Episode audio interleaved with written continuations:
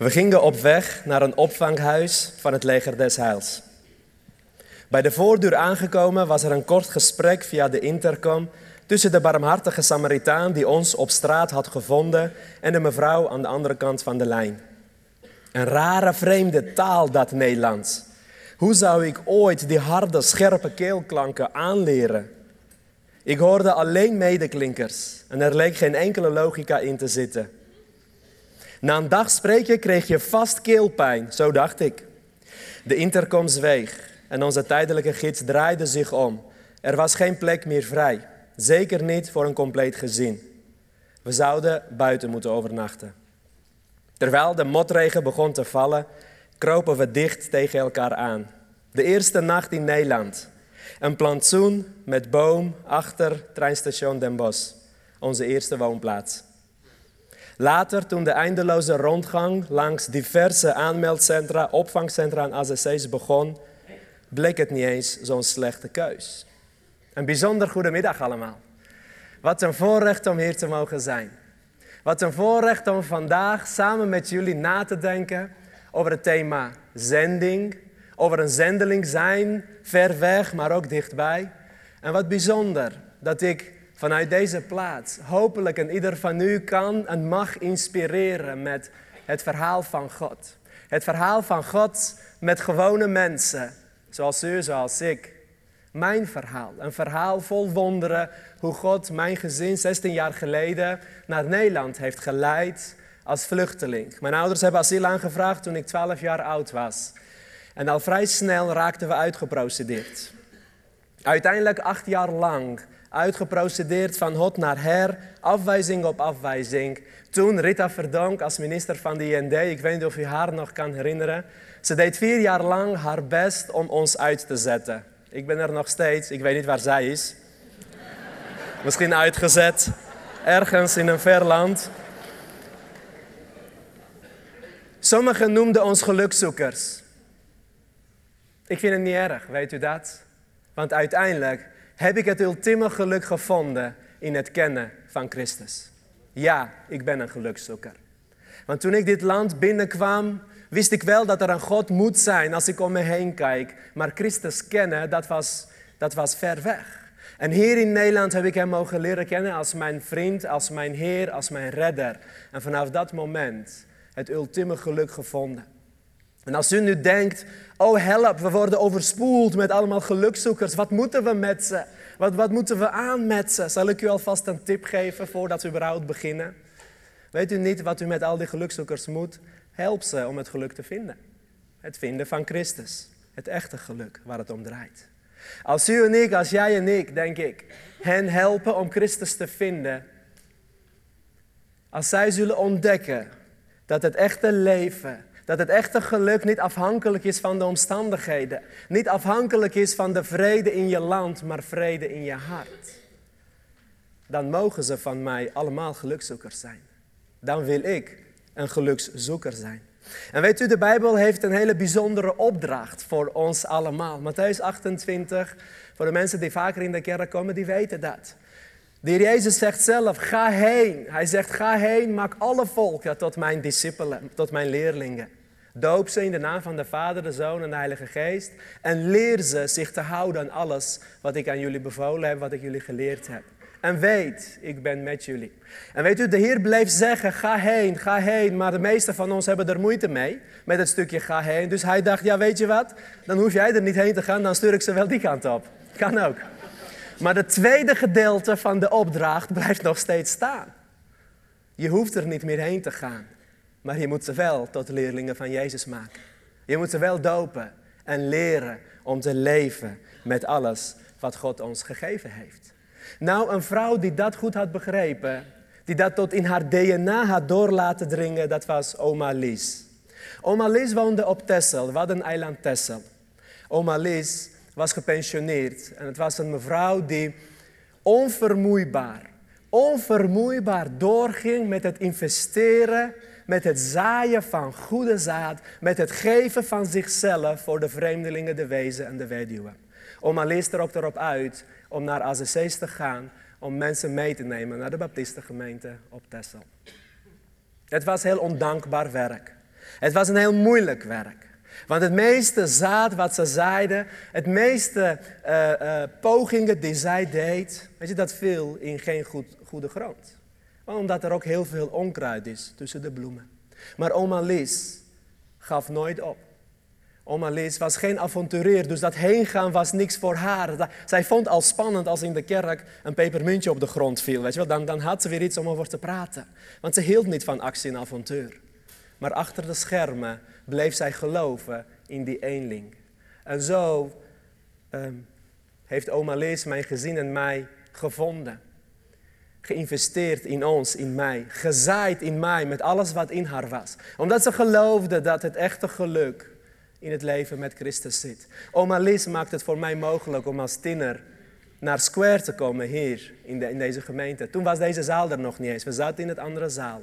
Met gastgezinnen. Als tiener keek ik mijn ogen uit. Ik wist niet wat mij overkwam. Maar hier heb ik de Jezus leren kennen als mijn redder en Heer. Omdat oma Lies weigerde om op te geven. Omdat oma Lies wist, ik blijf zaaien totdat ik vruchten zie. En weet u wat zo bijzonder is? Toen oma Lies kwam te overlijden, ze was al op leeftijd, op haar begrafenis waren er tientallen, misschien wel honderd mensen uit diverse plaatsen inmiddels, die ooit moslim waren of niet gelovig, die Christus hadden leren kennen door het werk van haar. Dat was zo ontroerend. De gemeente wist dat niet eens. Maar toen zij daar lag, toen haar begrafenisdienst was, kwamen ze van hot en her. In alle kleuren, in alle maten, in alle talen. Mensen die getuigden dat er één vrouw was die zendeling was in haar eigen land. Die aan het zaaien was. En naast al dat onkruid, naast al dat ondankbaarheid, zoveel vrucht mocht dragen. Wauw. Wij allemaal kunnen oma Lies zijn. Wij allemaal kunnen onvermoeidbaar. Wij allemaal kunnen ons uitstrekken om te geloven in wat God kan doen in mensenlevens. En de boodschap van vandaag die ik met u wil delen is sterk op mijn hart gelegd afgelopen dinsdag tijdens mijn werk. Het is wel leuk, want tijdens mijn werk krijg ik allerlei inspiratie om in, de zondagen voor te gaan. Dat is echt fantastisch. Um, uh, want dat is, ja, dat, is, dat is hoe God met mij werkt. Ik, ik, werk op een spoedeisende hulp in het ziekenhuis. Ik kreeg een patiënt met de ambulance binnen. En deze patiënt die werd begeleid uh, door twee mannen, uh, gewapend, uh, politieagenten, justitieagenten, omdat deze man in de gevangenis zat. Hij kwam daar binnen met pijn op de borst, mogelijk een hartinfarct. En ik ving hem op en terwijl we bezig waren, ik raakte in gesprek met deze man. Ik zag een klein kruisje om zijn nek hangen. En ik kreeg de kans om hem te vragen of hij iets met geloof had. En deze man die keek me aan en hij zei, meneer, ik ben dominee.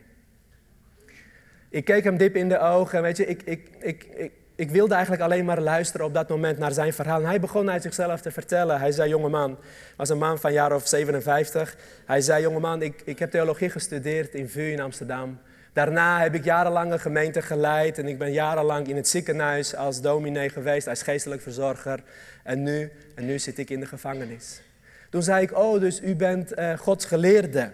Hij zei, ja, dat klopt. Ik zei, maar kent u ook God?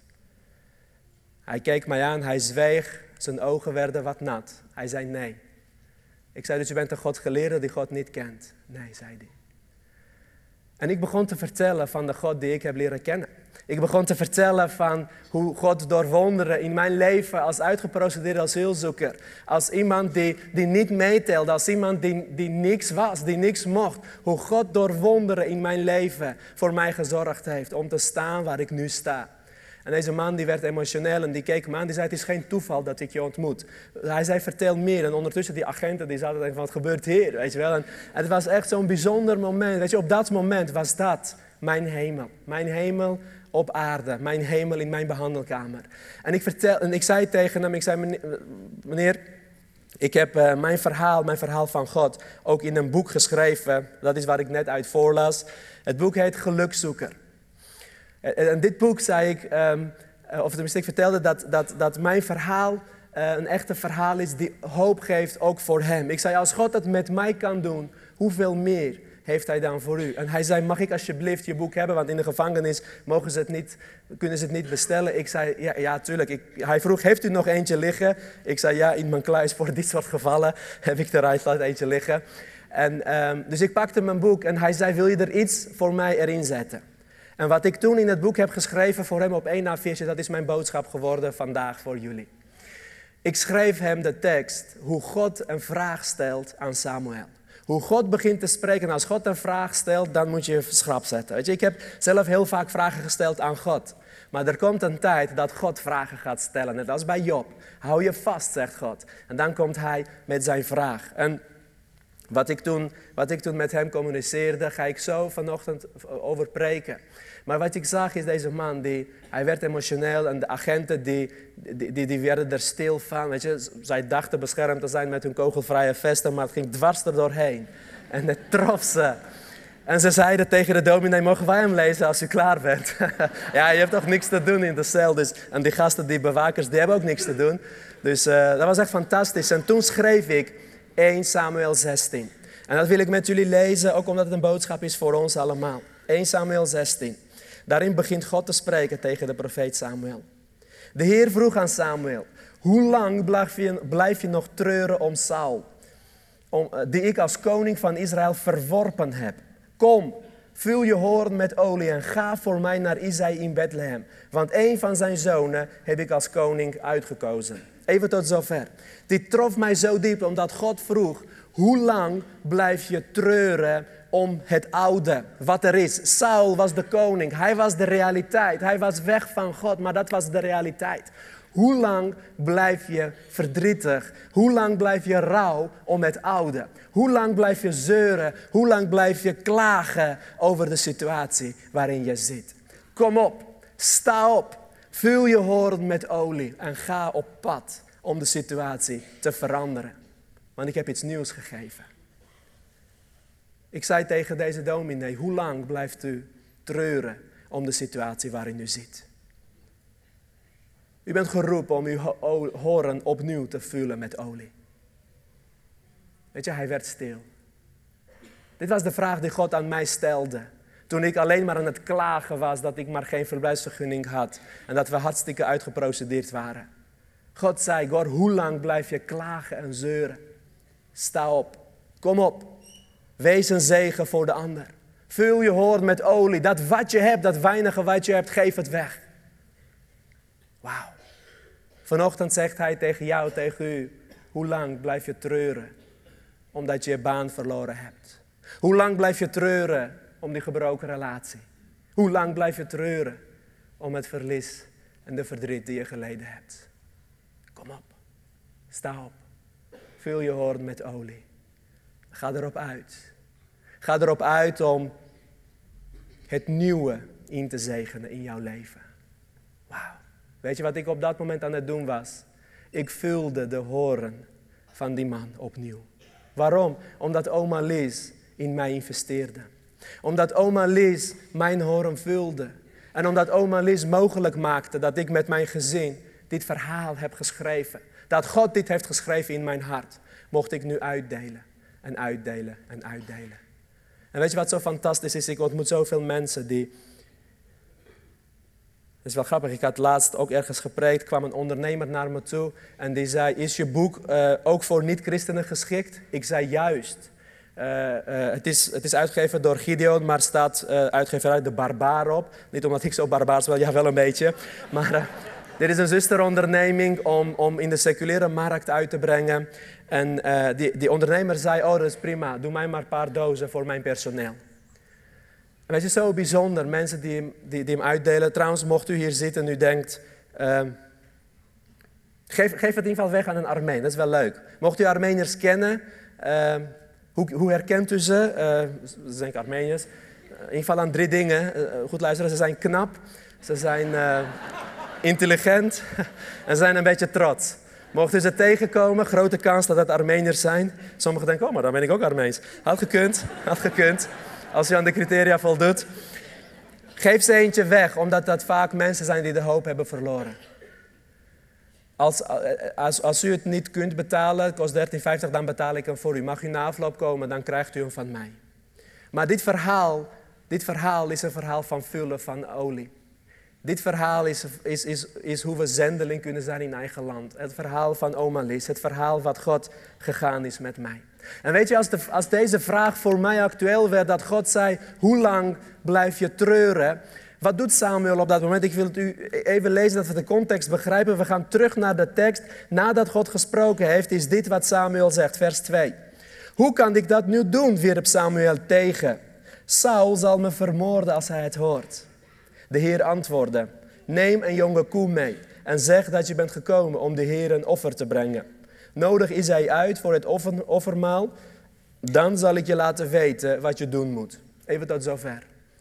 Toen God tegen mij zei: Hoe lang blijf je treuren in, in de situatie waarin je zit om het oude? Weet je, de eerste wat wij denken is: Ja, maar Heer, hoe kan ik erop uitgaan? Want Saul, het oude, vermoordt me. Dat wordt mijn dood. Ik kan het niet. Ik ben bang.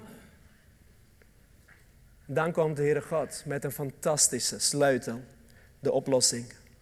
Wat moest Samuel doen? Offeren. En ik heb ontdekt in mijn leven dat de weg, de brug van het oude naar het nieuwe, is het offer. Offeren.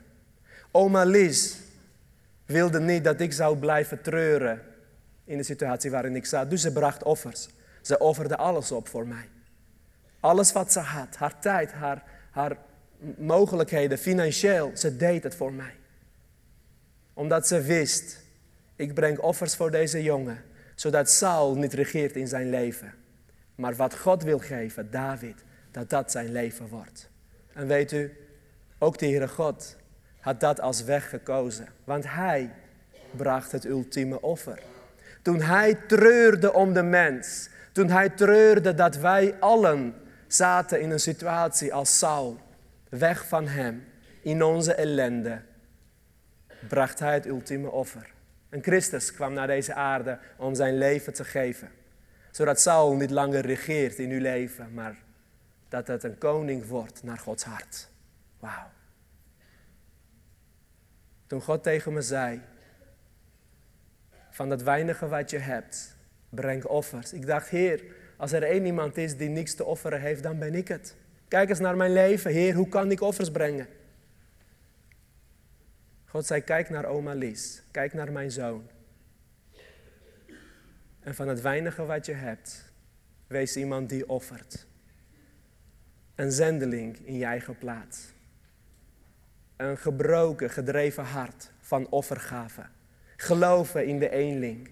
Geloven dat een jongen als ik van onder de boom op een dag oog in oog mag staan met de Armeense president. Die heb ik ontmoet toen hij in Den Haag was. Waarom?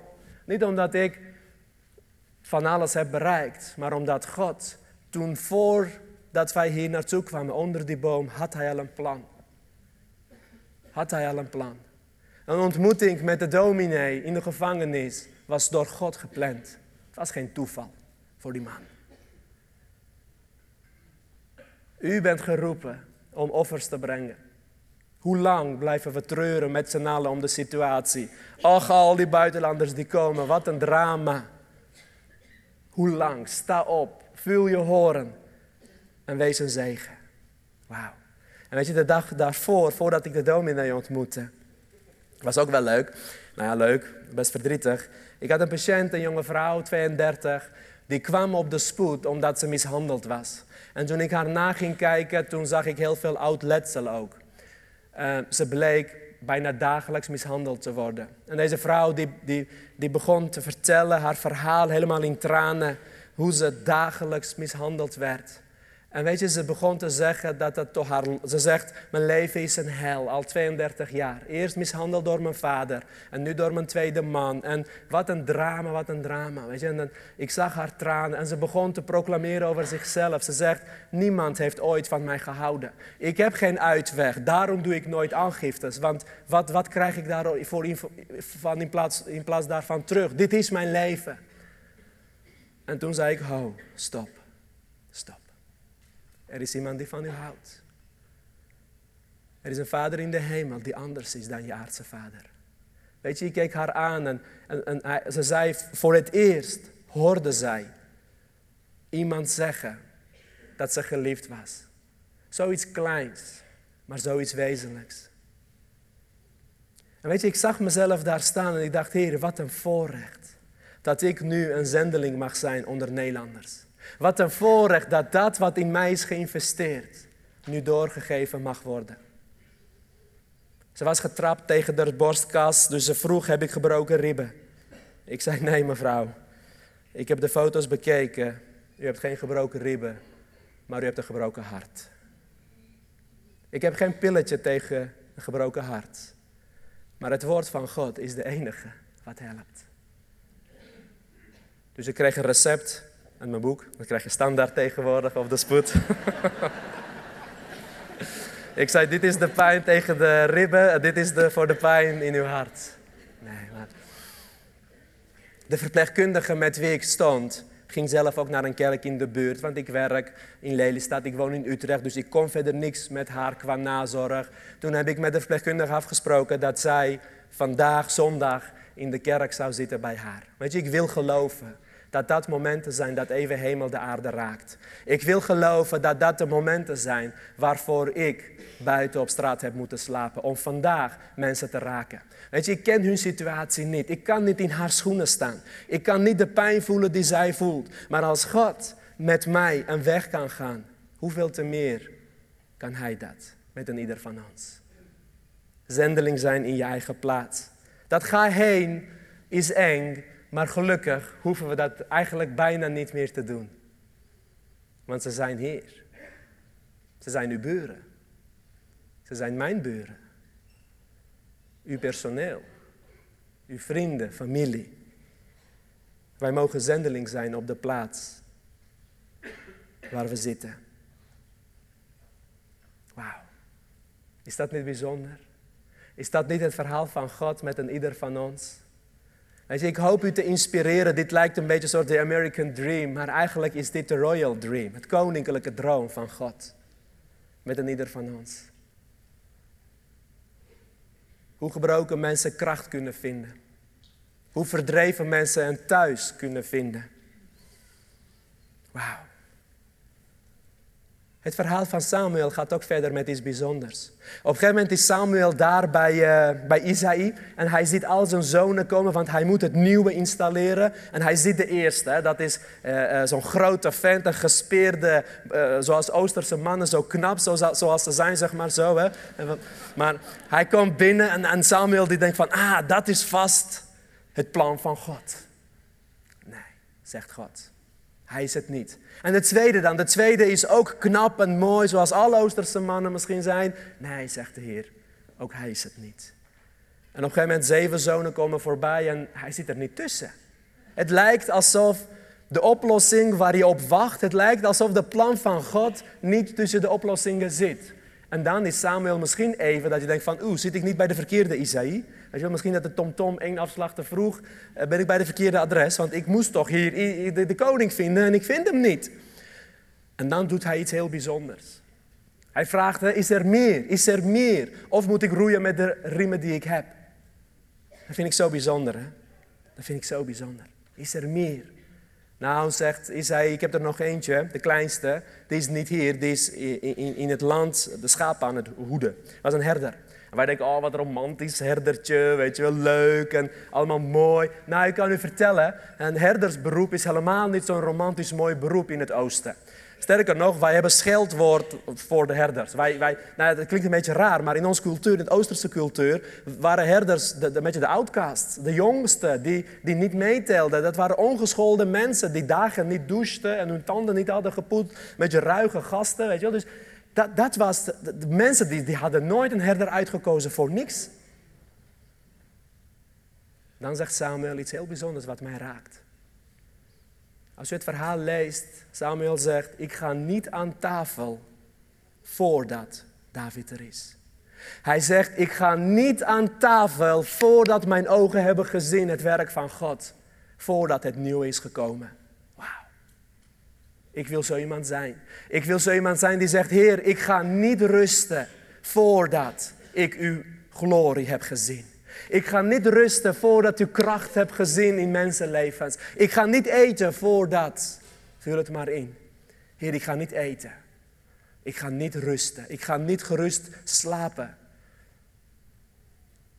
Voordat mijn familie u hebt leren kennen. Voordat mijn relatie is hersteld. Voordat, en vul het maar in voor uzelf. Wauw, wat bijzonder. Als wij dat, zo'n hart hebben, een hart zoals Samuel had. Niet zitten treuren. Niet zitten klagen en huilen. Ja, rouwen mag. Rouwen is gezond.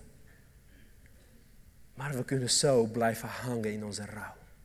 We houden ervan. Het is ook echt Nederlands, hè? Slachtofferrol. Klagen, klagen, klagen. Vanochtend zegt de Heer tegen ieder van ons: Hoe lang blijf je rouwen? Kom op. Sta op. Vul je horen met olie. Want dat heb ik je gegeven. En ga op weg. Ga op weg. Accepteer de situatie niet. Je hoeft niet te leven onder Saul. Ga op weg. Ik heb je het nieuwe gegeven. En dat wij dan mogen zeggen: Heer, ik ga niet rusten. Ik ga niet aan tafel voordat mijn ogen uw werk hebben gezien. Zendeling zijn in ons eigen land. Nederland heeft het zo hard nodig. En als ik eens nou met u afspreek, als u een zendeling bent voor de vreemdelingen in dit land, dan wil ik zendeling zijn voor Nederlanders in dit land. Ik wil plaatsvervangend dankjewel zeggen tegen iedereen die investeert in de vreemdelingen.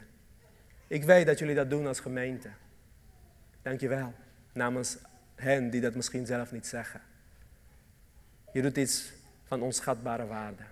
Het is moeilijk. Het is ondankbaar.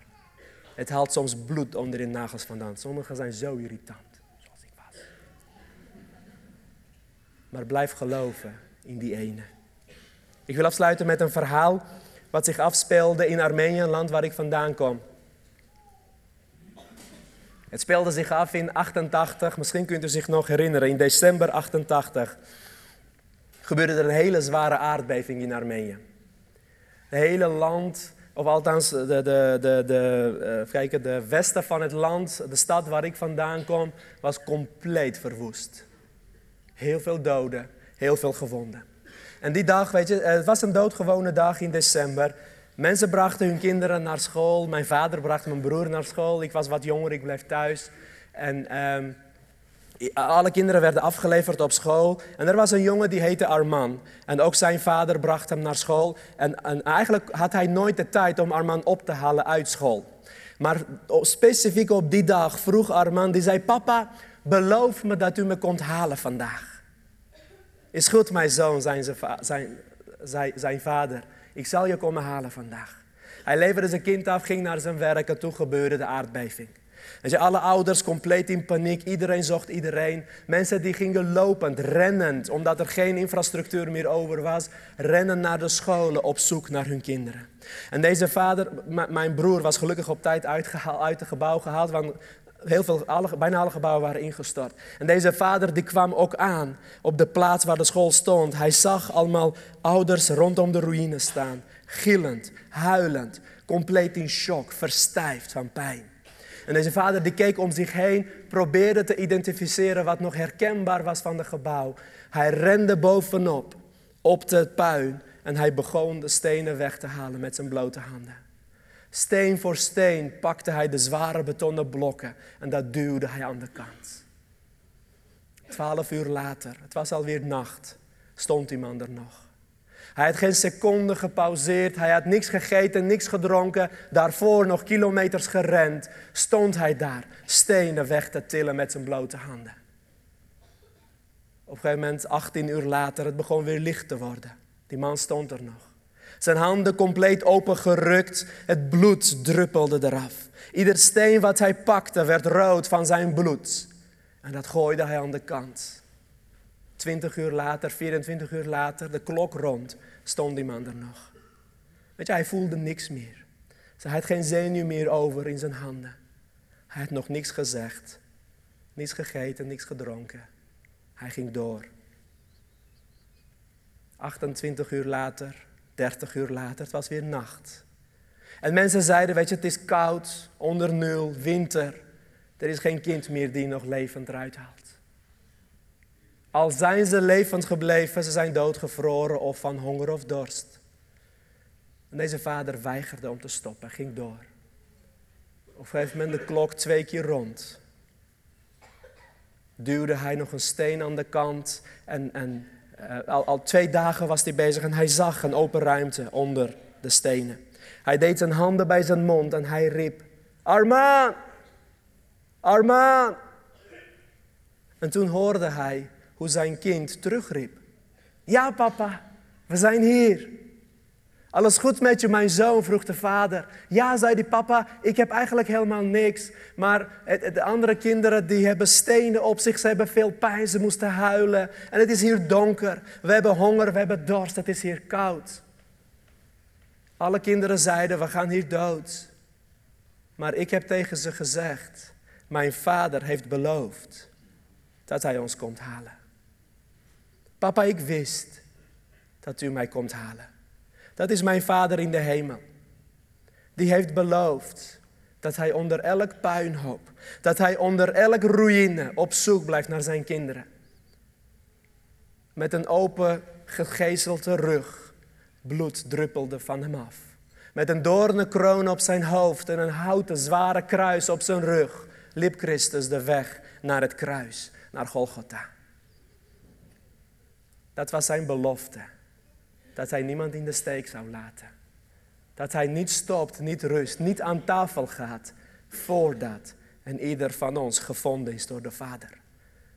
En daarvoor gebruikt hij jou en mij. Daarvoor gebruikt hij oma Lies om een zendeling te zijn in je eigen land. Ik wil afsluiten met gebed waarna we weer samen gaan zingen. En weet u, laat dit verhaal je inspireren. Laat dit verhaal u bemoedigen. Ik hoop echt dat u vandaag bemoedigd raakt. Maar ik weet ook dat u vandaag de roepstem van God gaat ervaren. Ga en maak alle volken tot mijn leerlingen. Vul je horen. Hoe lang blijf je nog klagen? Wauw. Laten we bidden met elkaar en laten we deze dienst afsluiten. Dat God ons mag sturen als zendelingen. Lieve Heere God, Vader in de hemel, Heere Jezus Christus, ik dank u voor het voorrecht om elkaar te bemoedigen met uw woord. Heer, ik dank u voor het voorrecht dat wij uw verhalen mogen lezen, hoe, hoe u de weg ging met uw profeten, met uw koningen. Heer, dank u wel dat er ook een verhaal is wat u schrijft met ons. Vader, ik bid voor een ieder die hier is, met lege horens, waarvan de olie op is. Ik, ik bid, Vader, dat u vandaag opnieuw de horen zult vullen. Heer, dat u vandaag opnieuw hier zendelingen doet opstaan. Zendeling in je eigen dorp, in je eigen stad. Zendeling onder je collega's. Heer, zegen. Zegen het werk. Het werk wat we mogen doen namens u. En ik bid over je uit dat je niet zal rusten dat je geen rust zult vinden voordat je ogen het wonder van God hebben gezien. Ik bid over je uit dat je geen rust krijgt voordat je de werken van de Heer realiteit ziet worden in je leven. En als dat betekent slapeloze nachten, zo bid. Heer,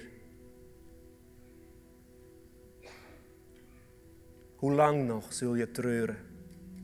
Sta op, vul je horen met olie en wees een zendeling in je eigen plaats. Amen.